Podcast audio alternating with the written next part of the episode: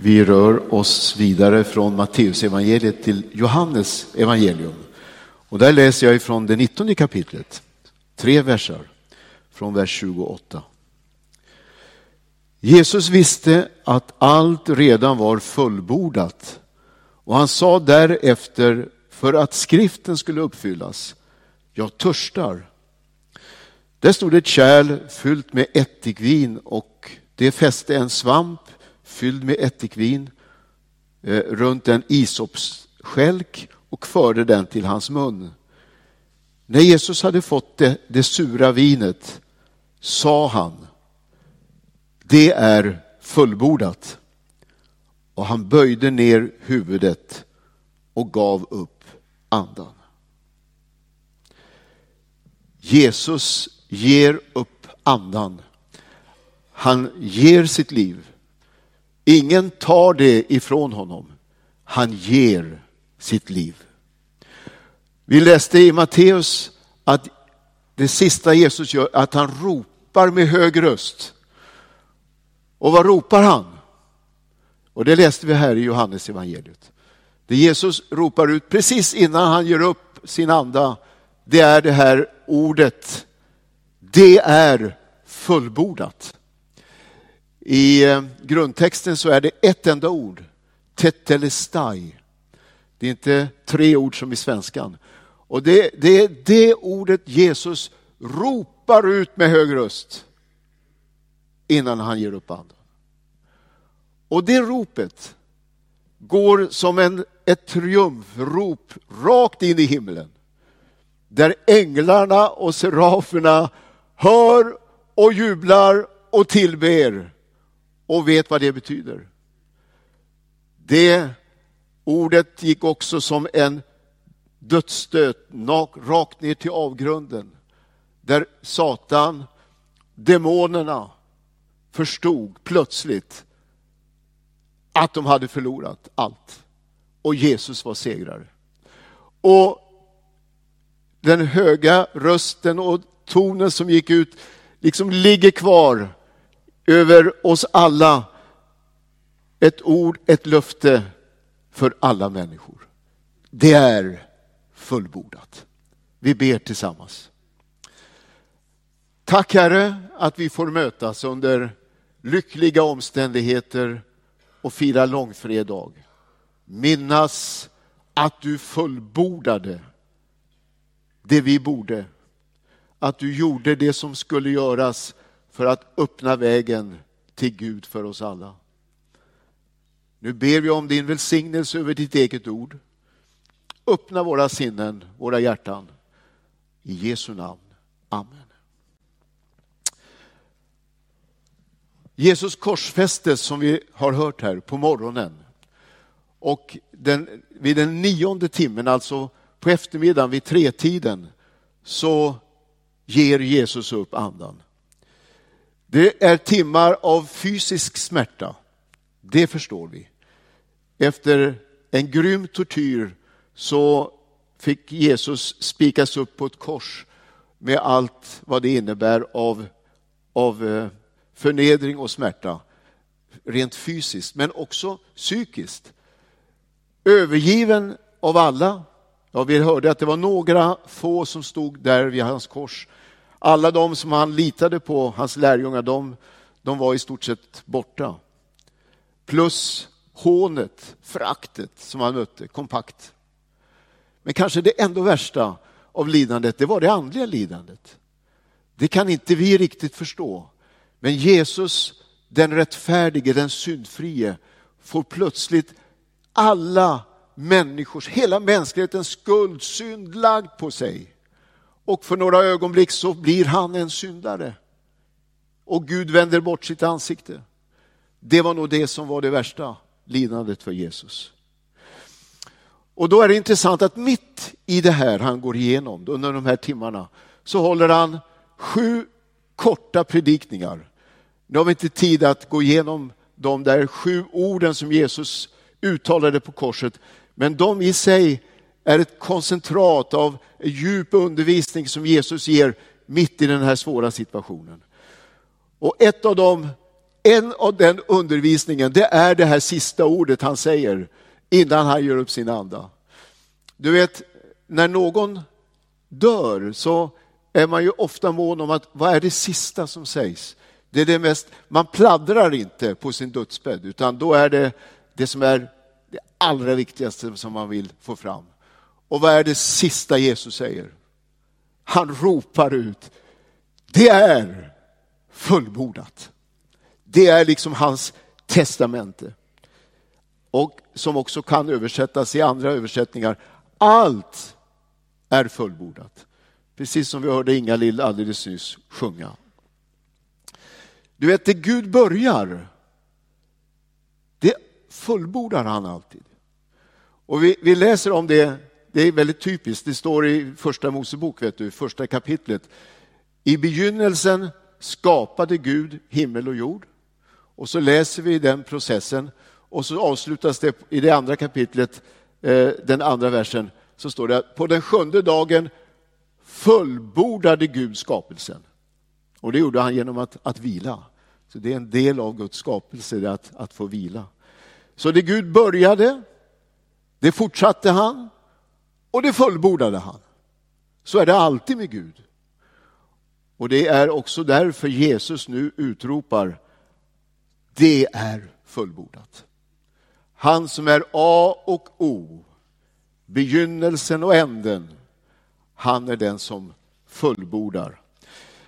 Och när Jesus nu ropar ut de här, det här ordet så finns det flera bottnar i det. Jag ville bara nämna helt kort för dig här några av eh, de, de, de lagren liksom av, av innehåll när Jesus ropar ut det är fullbordat. För det första så kan man ju säga att Jesu liv och Jesu uppgift nu var fullbordad. Jesus kom ju med en alldeles speciell uppgift eh, som ingen annan människa har haft eller kommer att få.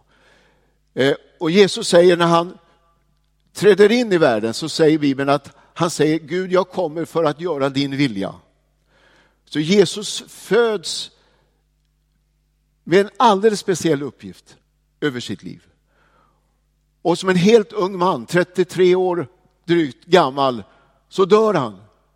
Och då fullbordar han det som Gud hade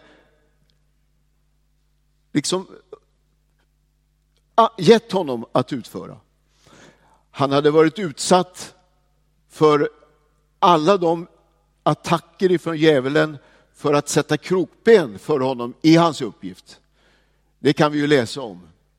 Frestad på allt sätt, säger Bibeln. Alltså djävulen försökte fresta Jesus, lura honom att vika av ifrån det som Gud hade som uppgift för honom. Eh, eh, vi, läser ju några av de frestelserna finns beskrivna i när Jesus frestas i öknen. Eh, och de är intressanta att läsa och, och, och de är så finurligt gjorda. Som man, men Jesus han håller kursen, han vet vad hans uppgift är och han besegrar de, de frestelserna. Men genom hela Jesu liv så vet vi att det fanns frestelser. Vi möter ju dem i de frågor och det som händer genom hans liv. Inte minst på korset, som vi hörde alldeles nyss. När folket sa, är du verkligen Guds son? Kom ner då! Men Jesus höll kursen, han visste vad som var hans uppgift. Underställd Guds vilja. Och den sista kvällen med sina lärjungar så säger Jesus, du kan läsa det i Johannes 17, så här säger han, jag har förhärligat dig Gud på jorden genom att fullborda det verk som du har gett mig att utföra. Och det här fick ju sin, sin riktiga skärningspunkt i Getsemane. Vi påminner oss om det igår kväll, Getsemane, när Jesus brottas, han vet vad som ligger framför honom och han känner, finns det ingen annan väg? Och det är det han ber där i Getsemane. Gud, säger Fader, om det är möjligt, finns det en annan väg? Så, så låt det här gå ifrån mig. Om det är möjligt. Men det var inte möjligt. Det fanns ingen annan väg. Och då böjer han sig och han säger, Herre, inte min vilja, men din. Det är det som är Det är därigenom Jesus är med och fullbordar sin uppgift. Och så säger Paulus i Filipperbrevet 2, han blev lydig, lydig ända till döden på korset. Men där, där fullbordar han sin uppgift. Och där blir han försoningen för våra synder. Och Jesaja säger i 53 kapitlet, Herrens vilja skulle genom honom ha framgång. Ja, verkligen. Vilken framgång. Han fullbordade sitt liv och sin uppgift. Ingen annan människa kan, kan man säga har gjort det på fullt allvar. Vi har alla gått vilse. Vi har alla snubblat och syndat. Men han fullbordade det Gud hade avsett för honom. Han fullbordade också skriften. Det är också intressant, vi läste ju det här. Jesus säger, jag törstar. Och främst säger han det för att skriften skulle fullbordas. Jesus visste vad skriften sa om honom. Och eh, vi har ju alla de förebilder i gamla testamentet. hela gamla testamentet är en enda stor utsaga om Jesus och hans liv. Och löften om Messias som gavs genom profeterna och Mose skulle nu gå i uppfyllelse. Och vi vet att alla dessa profetior bokstavligen, i detalj, gick i fullbordan genom Jesu liv. Och därför kan vi vara väldigt trygga när vi tar Bibelns profetior också om framtiden. Då vet vi att de står fast och de kommer bokstavligen också att gå i uppfyllelse. Jesus fullbordade skriften. Han som var ordet, Johannes 1 säger det. Eh, I begynnelsen var ordet och ordet var hos Gud och ordet var Gud. Men ordet blev kött och tog sin boning ibland oss. Han var ordet personifierad. Och när han dör på korset så uppfyller han skriften. Bibeln är en profetisk bok. Och vi vet att den, som jag sa, har utsagor också inför framtiden. Vi kan lita på Bibeln. Vi kan lita på Guds ord. Det han har sagt, det gäller. Och precis som att Jesus fullbordade skriften till dess, så kommer skriften också att fullbordas. Så låt oss vara trygga och lugna när vi läser Guds ord, också om vår egen tid och framtiden. Lagen var fullbordad. Och det här är någonting fantastiskt. När Jesus säger allt är fullbordat, så kan man säga att lagen var fullbordad. Och det här som jag säger, det här är fantastiskt. Jesus säger i bergspredikan, tro inte att jag har kommit för att upphäva lagen, utan för att fullborda den. Så Jesus kommer för att göra det som inte vi klarade av. Hur är det det står i en gammal psalm i psalmboken? Han fullgjorde vad vi, gjorde, vad vi borde och blev vår rättfärdighet. Och det är precis det som sker. Lagen gavs inte för att sätta käppar i hjulet för oss människor, utan för att hjälpa oss till ett värdigt och fint liv. Men ingen av oss kunde hålla den. Ingen kunde hålla den. Du vet lagens krav som ingen av oss klarade av. Ingen enda människa. Alla har syndat och är i saknad av härligheten från Gud. Men Jesus kommer. Den första Adam, han klarade inte det här. Det vill säga, och alla de som följde efter den första Adam. Men så kommer Jesus, som kallas den andra Adam. Han börjar också liksom på nollpunkten och så möter han lagen och han fullgör lagen. Och det står om honom, han hade ingen synd gjort och inget svek fanns i hans mun. Förstår du? Han tog lagen i alla dess aspekter och fullbordade den. Så den andra Adam, det är honom vi håller oss till. Han som fullbordade lagen. Så står det att lagens krav, Paulus talar om det i Kolosserbrevet, de tog Gud och spikade fast på korset. Lagens krav som anklagade oss, de är fastspikade på korset. Och där så fullbordade Jesus lagens krav. Och han blir därigenom vår rättfärdighet. Han gör att vi alla kan leva i gemenskap med Gud. Och Romarbrevet säger, och det vill jag faktiskt läsa innan till det andra kapitlet, det åttonde kapitlet, den andra versen, så står det så här. Det som var, det tredje versen, förlåt. Det som var omöjligt för lagen, svag som den var genom den syndiga naturen, det gjorde Gud genom att sända sin egen son som syndoffer. Han som till det yttre var lik en syndig människa och i hans kropp fördömde Gud synden. Så skulle lagens krav uppfyllas i oss som inte lever efter köttet utan efter anden. Så lagens krav uppfylldes i Jesus Kristus. Och när han säger allt är fullkomnat, allt är fullbordat, så är också lagen fullbordat. Och han blir vår rättfärdighet. Lagens offer.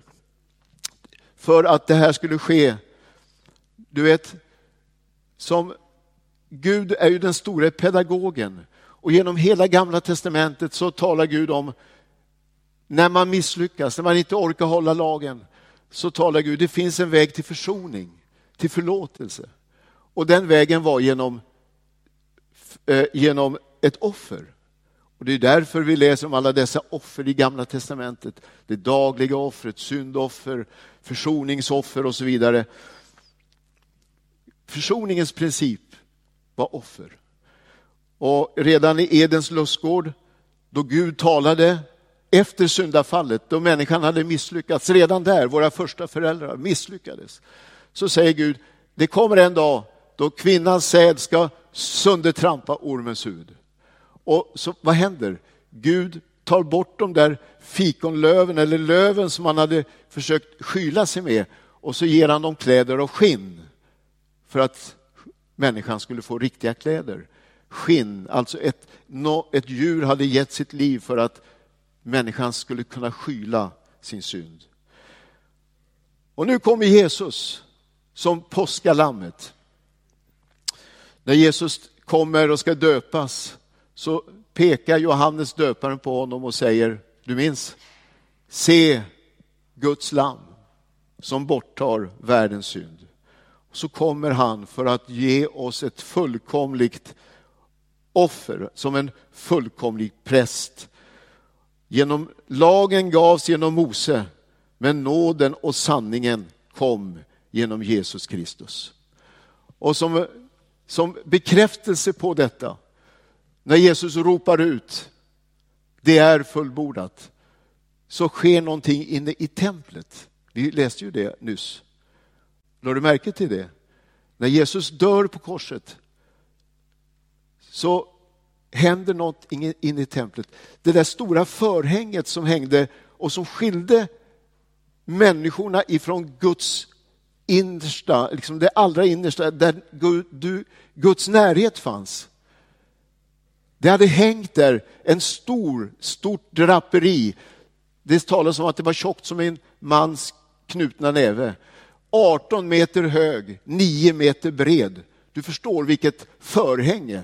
Och där stod människorna alltid inför denna vägg, liksom, in till Gud. Men när Jesus ropar ut, det är fullbordat, då är det som att Gud själv tar tag i det där förhänget och river sönder det. Uppifrån ända ner. Och plötsligt är vägen öppen. Och vi får kontakt med Guds härlighet och Guds kraft. Visst är det fantastiskt? När Gud bevisar att lagens krav är uppfyllda. Vägen öppnas. Nu vet vi att det utbröt panik, det sägs det i templet.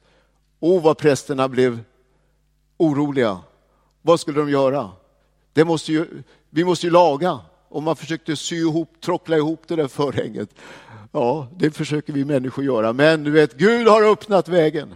Han har rivit sönder förhänget. Han rev sönder skuldbrevet som låg oss emot och anklagade oss när Jesus stod på korset. Och när Jesus utropar det är fullbordat, då är lagen fullbordad. Och vi är fria och vi lever ett fritt liv. Inte fria ifrån Guds lag, men vi är fria från lagens krav genom Jesus Kristus. Frälsningen fullbordas därigenom när Jesus ropar ut. Människosonen har kommit för att uppsöka och frälsa det som var förlorat. Så sa Jesus. Det var hans uppgift. Och det här är så fantastiskt. Det här är, det här är, näst, det här är omöjligt för oss att riktigt förklara och förstå. Alltså att Jesus, som var Guds son och människa, levde här på jorden utan att synda, utan att gå i de här fällorna som vi ständigt går i. Han, han, han gick igenom sitt liv utan synd, utan svek. Och när han hängs upp på korset så säger Bibeln, han blev gjord till synd. Det här, är, det här är väldigt svårt för oss att förstå vad som egentligen händer. Men jag tror Jesaja hjälper oss i det 53 kapitlet i sin bok. När han säger, han var sårad, han var sargad för våra överträdelsers skull. Straffet blev lagt på honom.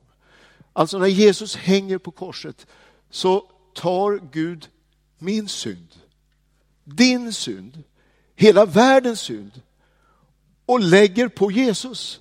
Och han under de där timmarna, eller vilken period det nu var, på korset blir Jesus gjord till synd. Han blir syndaoffret. Han som var rättfärdig. Men när Jesus ropar ut, det är fullkomnat, det är fullbordat, då var frälsningen färdig. Och Jesus går ner i dödsriket, för han dör ju Jesus som människa.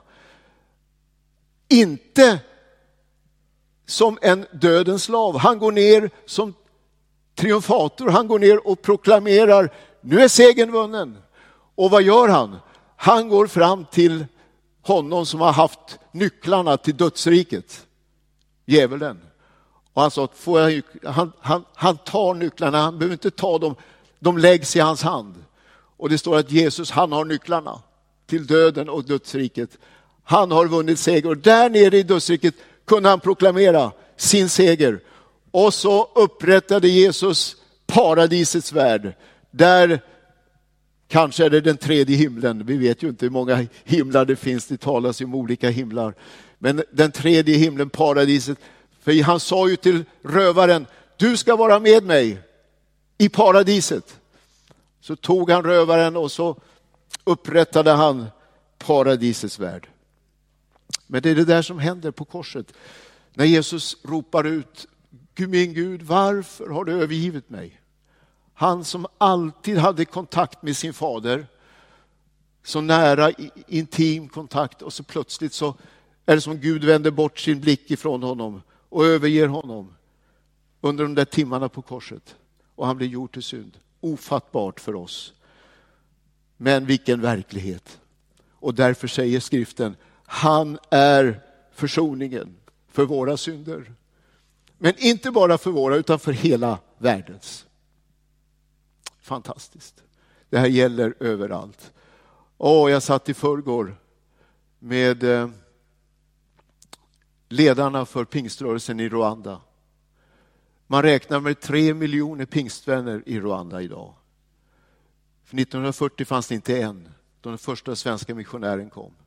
Och idag räknar man med tre miljoner, med en befolkning ungefär som Sveriges.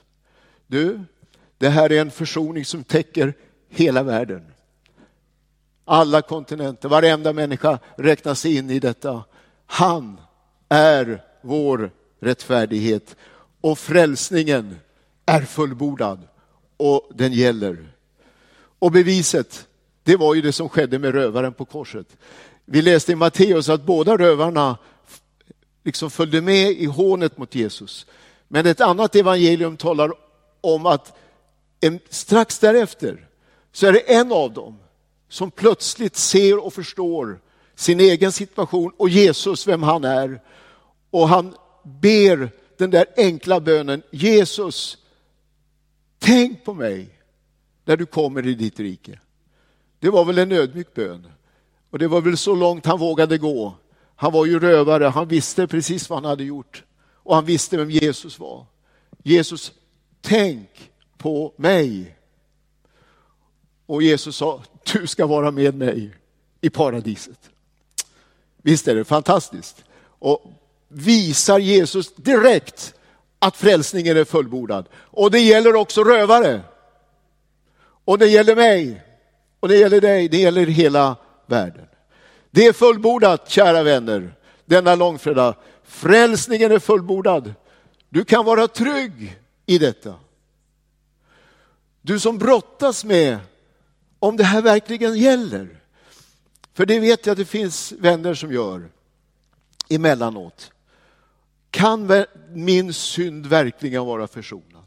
Det där jag gjorde, det där jag sa, det där, du vet. Och så ältar man det och så tänker man, det är inte möjligt. Det är möjligt. Och jag, jag kan tillsäga dig idag att du kan släppa allt det där. Har du bett Gud om förlåtelse så kan du vara trygg och säker att frälsningen gäller. Det är fullbordat. Det gäller dig. Det gäller dina gamla, gamla synder. De är utplånade, de finns inte längre och du kan vara trygg i detta. Å andra sidan så finns det de som nästan vill förbättra det som Jesus har gjort. Och man försöker med olika gärningar liksom kvalificera sig och lägga till liksom, genom religiös, religiösa gärningar på olika sätt. Gör inte det. Koppla av. Frälsningen gäller. Jesus fullbordade. Du kan inte lägga till någonting. Du behöver inte det. Du ska leva ett rättfärdigt liv, självklart, i hans efterföljelse. Men frälsningen, den gäller. Du behöver inte göra någonting. Inget tillägg behövs. Allt är klart. Det sägs att det där uttrycket tetelestai, det var det man använde på marknaden när man hade betalt en vara och, och eh, han som, den som sålde sa betal, det är klart nu, du har betalt, allt är färdigt, du kan ta. Tetelestai. Det är betalt, det är färdigt, tack. Förstår du? Vila vid detta, känn trygghet i att frälsningen är fullbordad. Och till slut, Jesus fullbordade segern över synden, över det mörka, över Satan, över djävulen, över alla demoner. En gång för alla. Och vi vet att den segern, den gäller. Och den kommer att få gällande kraft. Just nu lever vi i ett mellanläge där, där synden försöker hålla sitt grepp, kommer inte att lyckas. Segern är vunnen. Du vet hur det var i slutet av andra världskriget. Nu har jag inte datumen i huvudet, men Berlin intogs. Hitler dog, det vet vi. Och ändå så tog det några dagar innan nyheten om att bunkern i Berlin hade fallit och från det, från det till att soldaterna i Norge och Danmark la ner sina vapen utan att man behövde eh, lossa ett enda skott, så bara la de ner sina vapen. De, de, slaget var förlorat. Men det fanns ett, ett litet mellanläge där, några dagar eh, innan nyheten spreds ut. Det är det vi upplever just nu och vi, vi möter ondskan så fruktansvärd i de bilder och de nyheterna från Ukraina, eller hur? Men inte bara Ukraina, utan det finns ju på så många håll. Och ondskan finns ju på nära håll. Men vi vet, Jesus vann seger över vår fiende. Vår fiende djävulen.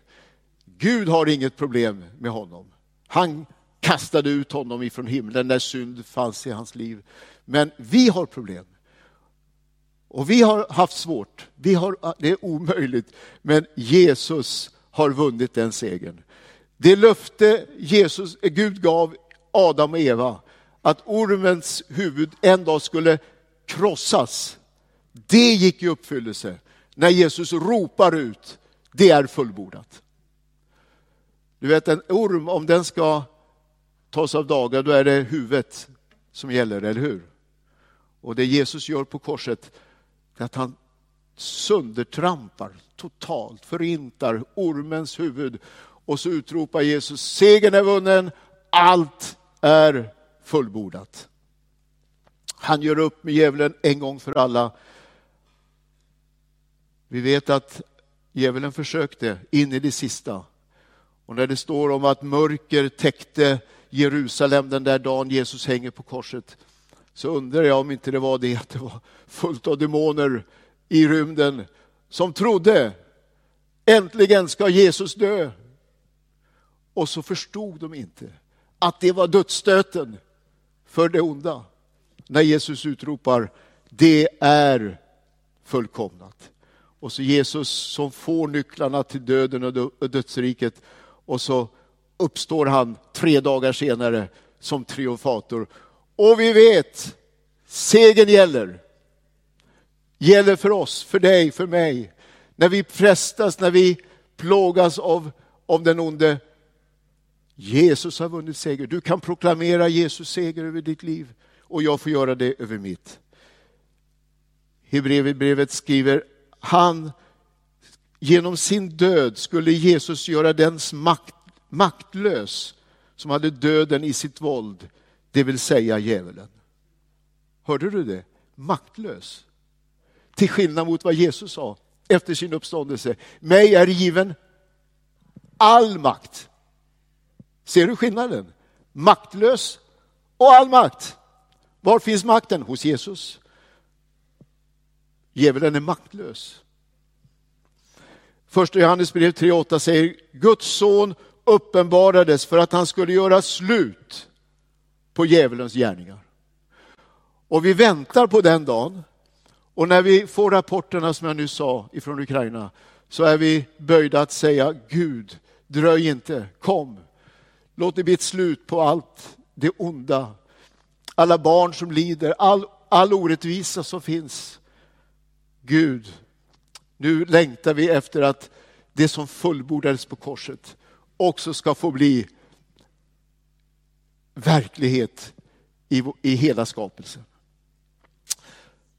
Så ta med dig det här uttrycket, det här ordet från Jesus under långfredagen som ligger framför oss. Solen skiner och vi får en fin långfredag.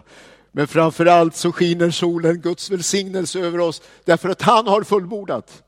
Allt är klart, allt är fullbordat. Det står att Herren låter sitt ansikte lysa över oss. Det gör det en sån här dag därför att Jesus fullbordade allt. Tetelestai, det är fullbordat. Det ska en gång uttalas över hela skapelsen. Vi läser Uppenbarelseboken. Jag såg en ny himmel och en ny jord där rättfärdighet bor. Det är fullbordat. Det ska en dag uttalas över församlingen som idag kämpar på olika sätt. Men läs i Uppenbarelseboken om bruden, Lammets hustru. Det ska uttalas över den, det är fullkomnat. Ja, men snälla du, församlingen är väl ingen fullkomlig skara? Nej, sannerligen inte vare sig vår församling eller andra församlingar. Vi är bräckliga, vi är svaga. Men du vet, en dag så ska det sägas allt är fullbordat, allt är klart. Och när Johannes såg Lammets brud, du vet Kristi brud är inte en kvinna i Knutby. Kristi brud, det är det judiska folket och Guds församling som ska leva tillsammans med Herren i hans härlighet. Fantastiskt. Utan fläck, utan skrynka, rent. Jag såg en stor skara som ingen kunde räkna. Ja, du vet alla de här texterna. Stå inför Gud, inför Lammet. En skara som ingen kunde räkna. Och där är de, ifrån alla länder, alla folkslag, alla stammar, alla tungomål. Står inför Gud Och så uttalas det, det är fullbordat, det är klart. Och också över mitt liv, över ditt liv. Paulus säger i Filipperbrevets första kapitel, jag är övertygad om, säger han, att han som i er, och det säger han till församlingen i Filippi, han som i er har börjat ett gott verk. Han ska inte bara fortsätta det, han ska fullborda det intill Jesu Kristi dag. Jag skulle vilja se er alla i ögonen och säga, han som i dig har börjat ett gott verk. Och det gäller ju även sångarbröderna. Han som är, och, Ingalill och, och Ulla naturligtvis. Han som i er har börjat ett gott verk. Det är ett gott verk. Han ska fullborda det. Ja, men jag är, jag är så svag, jag är så bräcklig. Ja, men han är stark. Han är mäktig. Och han ska fullborda. Ska vi be tillsammans?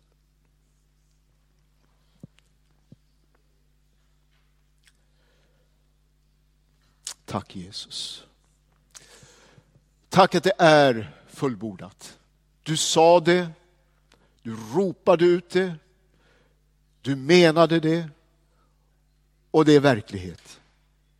Och tack att vi får leva i den verkligheten idag. Tack att synden är besegrad, djävulen är besegrad, lagen ligger eh, uppfylld och du har vunnit seger. Och tack att vi får leva i dig, i Kristus, döpta in i Kristus. Så lever vi i dig och i din seger och i det som du fullbordade. Tackar dig för det i Jesu namn. Amen.